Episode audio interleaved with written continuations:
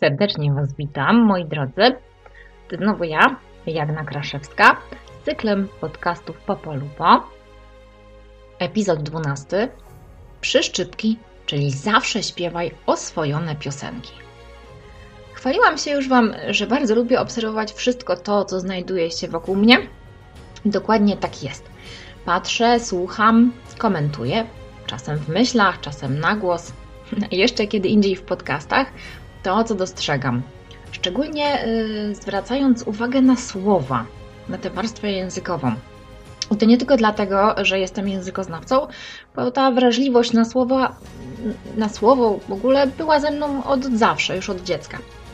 Staram się y, bardzo starannie dobierać wyrazy w swoich wypowiedziach, y, aby znaleźć jak najwłaściwsze słowa, takie, które pasują do tego tak najbardziej idealnie.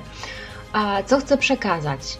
Trochę to przypomina dokładanie odpowiedniego puzla do układanki.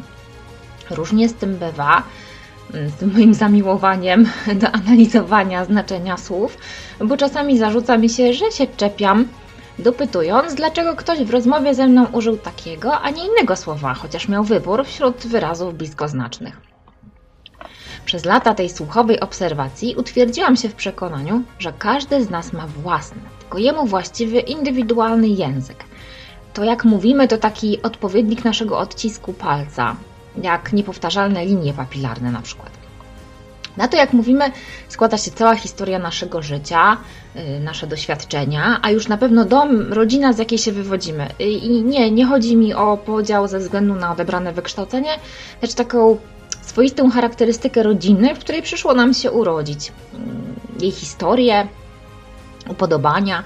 Każda rodzina, przynajmniej ta najbliższa, z którą mieszkamy na co dzień, ma swój własny język, taki swój własny kod, którym się porozumiewa. Składają się na niego skróty myślowe, które wzięły się z konkretnych sytuacji, znanych tylko Wam, czy Waszemu rodzeństwu, czy rodzicom albo dziadkom. To takie słowa lub wyrażenia klucze, dzięki użyciu których szybciej się porozumiewacie. Nie musicie niczego tłumaczyć. Na przykład moja koleżanka Hania w rozmowach ze swoimi dziećmi używa określenia mam szybki biust. Dla nas to brzmi jakoś tak e, bez sensu, prawda? A wzięło się to stąd, że będąc na zakupach z synkiem, Hania strąciła z półki słoik z dżemem czy butelkę z sokiem, to nieistotny szczegół. W każdym razie udało jej się w ostatnim momencie schwycić tę rzecz, zanim rozbiła się na podłodze. Jej synek aż westchnął z zachwytu, nad sprawnością swojej rodzicielki i zawołał: Wow, ale mama ma szybki biust. I tak już zostało. Odtąd w Haninej rodziny określenie to zastępuje słowo refleks.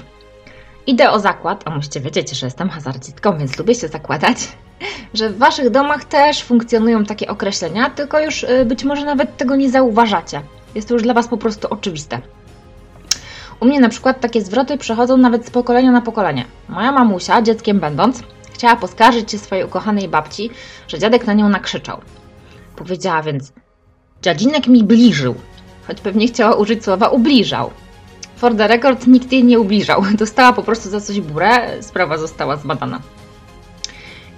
I tak również ja, czyli kolejne już pokolenie, używam tego słowa zamiast właściwego, takiego, które znajdziecie w słowniku. Y, moja mama to w ogóle znacząco przyczyniła się do poszerzenia ilości haseł w naszym rodzinnym słowniku, bo ukuła y, słowo, które nie tylko ja przejęłam, ale też moje dzieci. Hajciu, czyli mówiąc krótko, na spacer. W dzieciństwie mama z własnej inicjatywy wypuściła z zagrody świnie. Nie rozumiała, czemu dorośli robili jej później wyrzuty, skoro jasno im mówiła niut, niut, hajciu. To, że ograniczeni dorośli nie zrozumieli, to już nie była jej wina, prawda? Niut, niut, czyli świnka została odnaleziona i zamknięta z powrotem. No ale to słowo hajciu weszło już e, do użytku w naszej rodzinie. Do dziś, gdy wybieramy się z psem na spacer, mówimy krótko hajciu i Pepsi już czeka przy drzwiach. A co do tego mają przyszczypki? Zaraz Wam wyjaśnię. O ile taki szybki biust lub bliżenie, czy hajciu, mamy zakodowane jako związane z rodzinną historyjką i wiemy, że osoby z zewnątrz nie zrozumieją tego bez dłuższego wyjaśnienia, o tyle w rodzinach funkcjonują słowa, z którymi stykamy się od urodzenia i nie mamy kompletnie świadomości, że tak naprawdę to wymysł naszej babci czy mamy i że takie słowa po prostu gdzie indziej poza naszym domem nie istnieją. Padłam ofiarą, e, słuchajcie, takiego właśnie słowa tajemnicy. I pierwsze 13 lat mojego życia spędziłam w bogiej niewiedzy na ten temat. A jak to się stało, że ocknęłam się z zamroczenia? Po prostu przez przypadek, czyli jak zwykle. Kiedy miałam 13 lat, pojechałam z moją koleżanką z klasy ze szkoły podstawowej, Pauliną, na wakacje. No, czyli po prostu na działkę do lasu. Wieszałam na sznurkach jakieś przemoczone rzeczy, a ponieważ wiał wiatr, musiałam jakoś je do tych linek przymocować, żeby nie trzeba ich było później zbierać i szukać po całym lesie. Miałam zajęte ręce, więc zawołałam do Pauliniaka, obok której stał pojemnik z... No właśnie. Podaj mi przyszczypki! Czekałam, żeby spełniła moją prośbę, bo pojemnik z przyszczypkami miała pod nosem, normalnie po prostu obok. Jednak Pauliniak zrobił dziwną minę i pyta, co?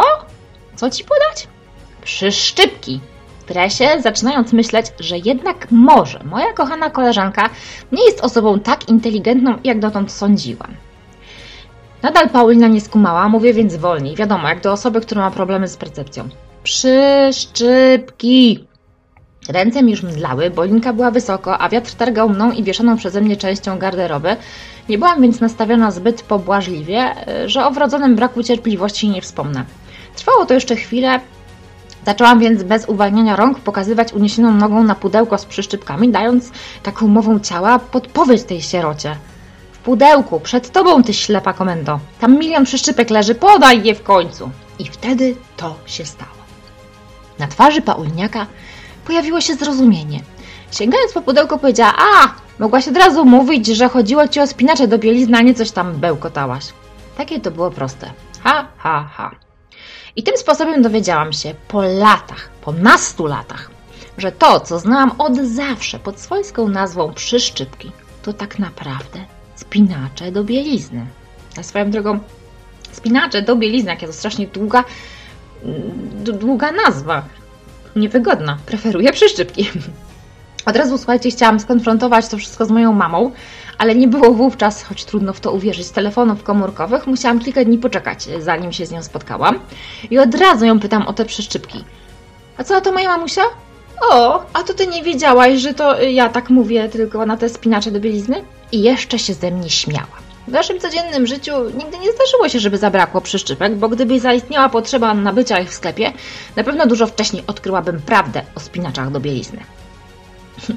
Mam nadzieję, że tą historią skłoniłam Was do zastanowienia się nad tym, jakie słowa, kody funkcjonują w Waszych własnych rodzinach.